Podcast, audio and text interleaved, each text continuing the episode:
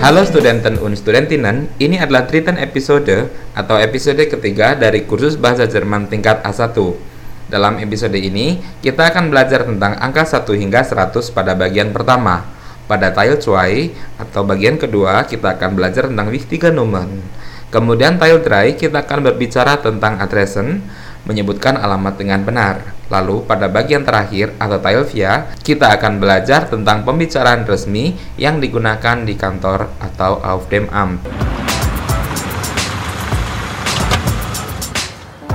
Wie ist die Hausnummer, Emma? 38 oder 83? Moment, elf. Ah, ja, dann sind wir richtig hier. Wie viele Zahlen sind das? Wie viele? Hm, Das sind 31 Zahlen. 31. Eins, zwei, drei, vier, fünf, Eins, zwei, drei, vier, fünf. sechs, sieben, acht, neun, zehn, elf, zwölf. Sechs, sieben, acht, neun, zehn, elf, zwölf. Was ist das? Eine Einladung zum Geburtstag von Charlotte. Geburtstag?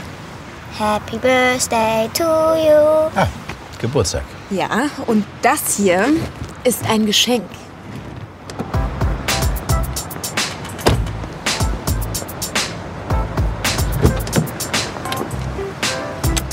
Tschüss, Nico, bis morgen. Tschüss, Hammer. Oke, telah kita dengarkan dialog antara Liza, Emma, dan Nico. Emma menghitung dari 1 hingga 12 yaitu 1, 2, 3, 4, 5, 6, 7, 8, 9, 10 Itu tadi merupakan hitungan dari 1 hingga 10 Kemudian untuk angka 11 adalah 11 dan angka 12 adalah 12 Die Zahlen 11 und 12 werden unregelmäßig gebildet. Angka 11 dan 12 merupakan angka yang tidak beraturan. Ab 13 ist die Zahlenbildung meist regelmäßig. Sedangkan angka 13 merupakan angka yang beraturan.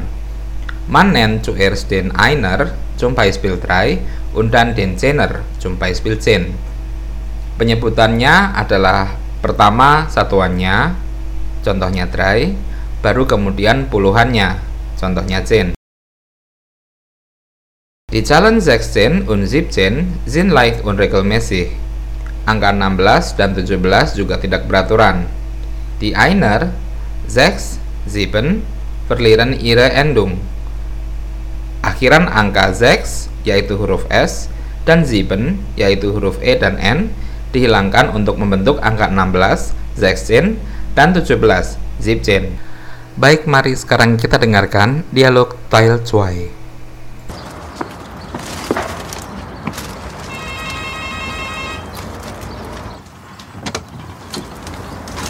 Lisa, hallo. Und Emma. Hallo. Lotte! Tschüss, Lisa. Leute Süße, habt viel Spaß, ja? Herzlichen Glückwunsch, Lotte. Wie alt ist Lotte jetzt? Sie ist acht. Ah, Emma ist auch acht Jahre alt. Äh, ich habe hier Emmas Schlafsack und ihre Isomatte. Super, danke. Büro. Im Fundbüro. Hat sie jemand abgegeben?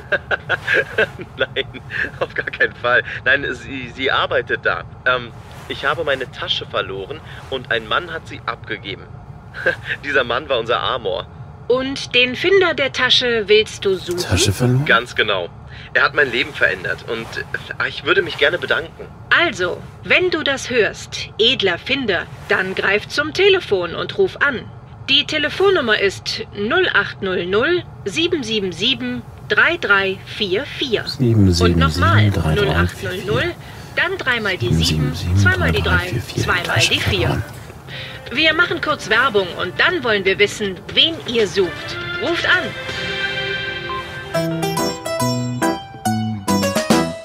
Sebelum kita melanjutkan ke tile dry, bagaimana kalau kita dengarkan dulu Challenge von 1 bis 100? 1 2 3 4 5 6 7 8 9 10 11 12 13 14 15 16 17 18 19 20 21 22 23 24 25 26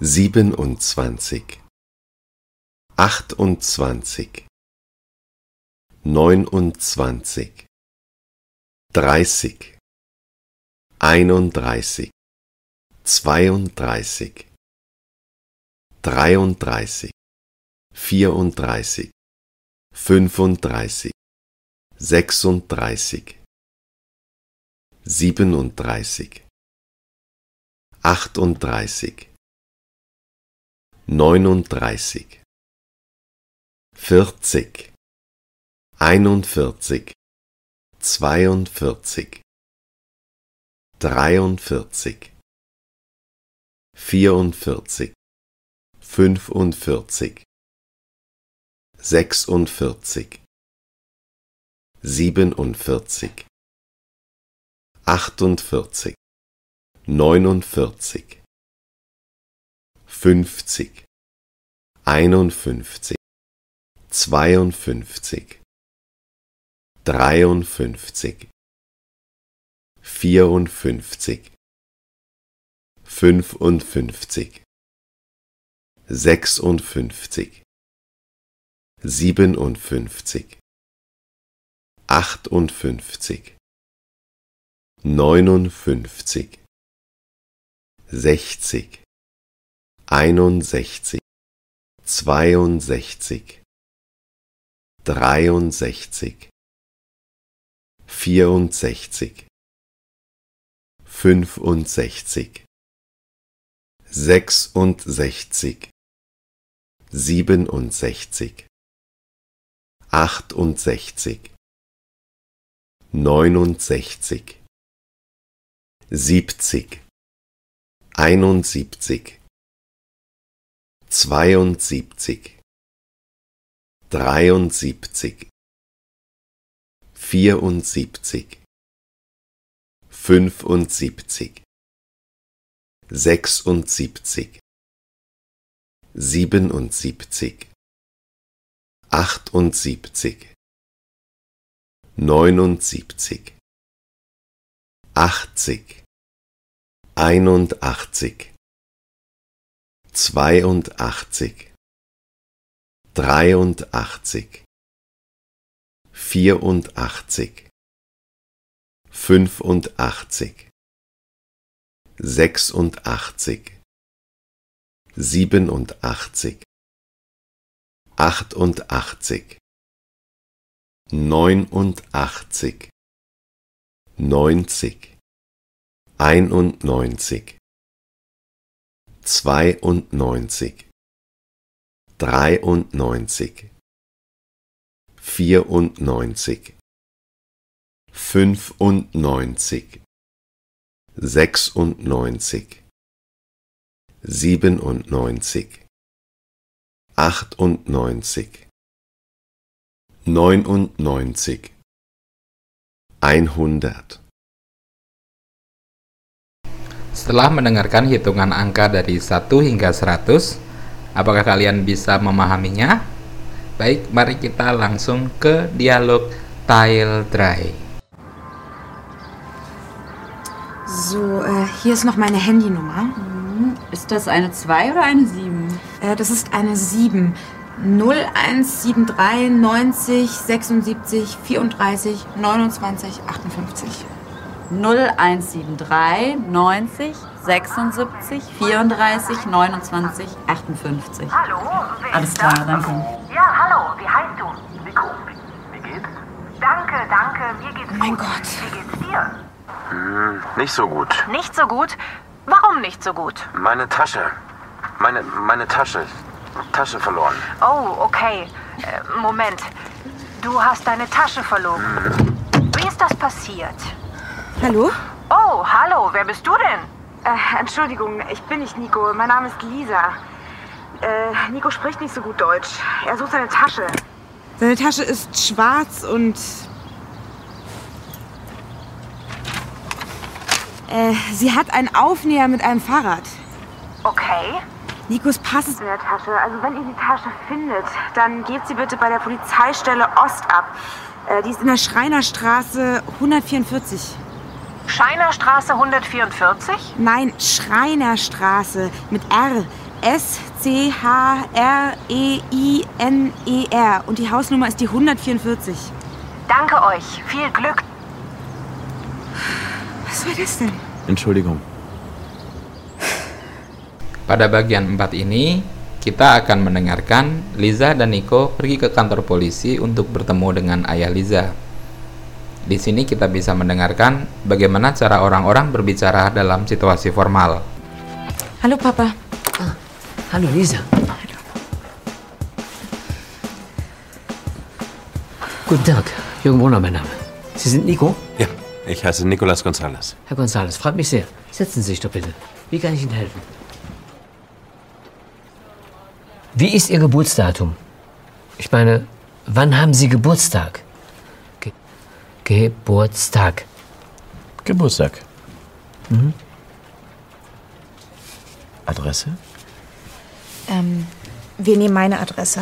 Ich wohne in der Wagnergasse 136. Ihre Passnummer. Passnummer. Mein Pass ist weg. Oh, das ist nicht gut.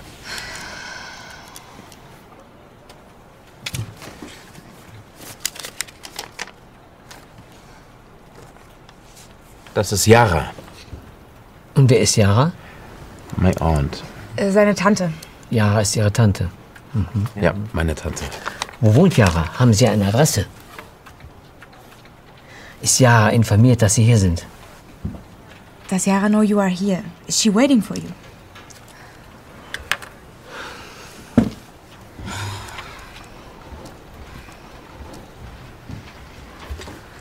Seine Tante weiß nicht, warum er hier ist? Nein, Warum ist er dann hier in Deutschland? ich weiß es nicht, aber ich werde es rausfinden. Ich helfe Nico. Danke, Papa. Gerne. Wir telefonieren. Hab viel Spaß heute Abend bei der Party. Komm. Party?